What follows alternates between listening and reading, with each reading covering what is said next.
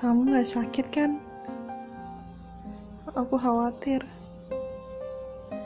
Meskipun mungkin kamu udah bahagia sekarang, aku akan tetap berdoa untukmu. Meskipun nanti kamu bakalan ketemu sama orang lain dan bersama dengan yang lain.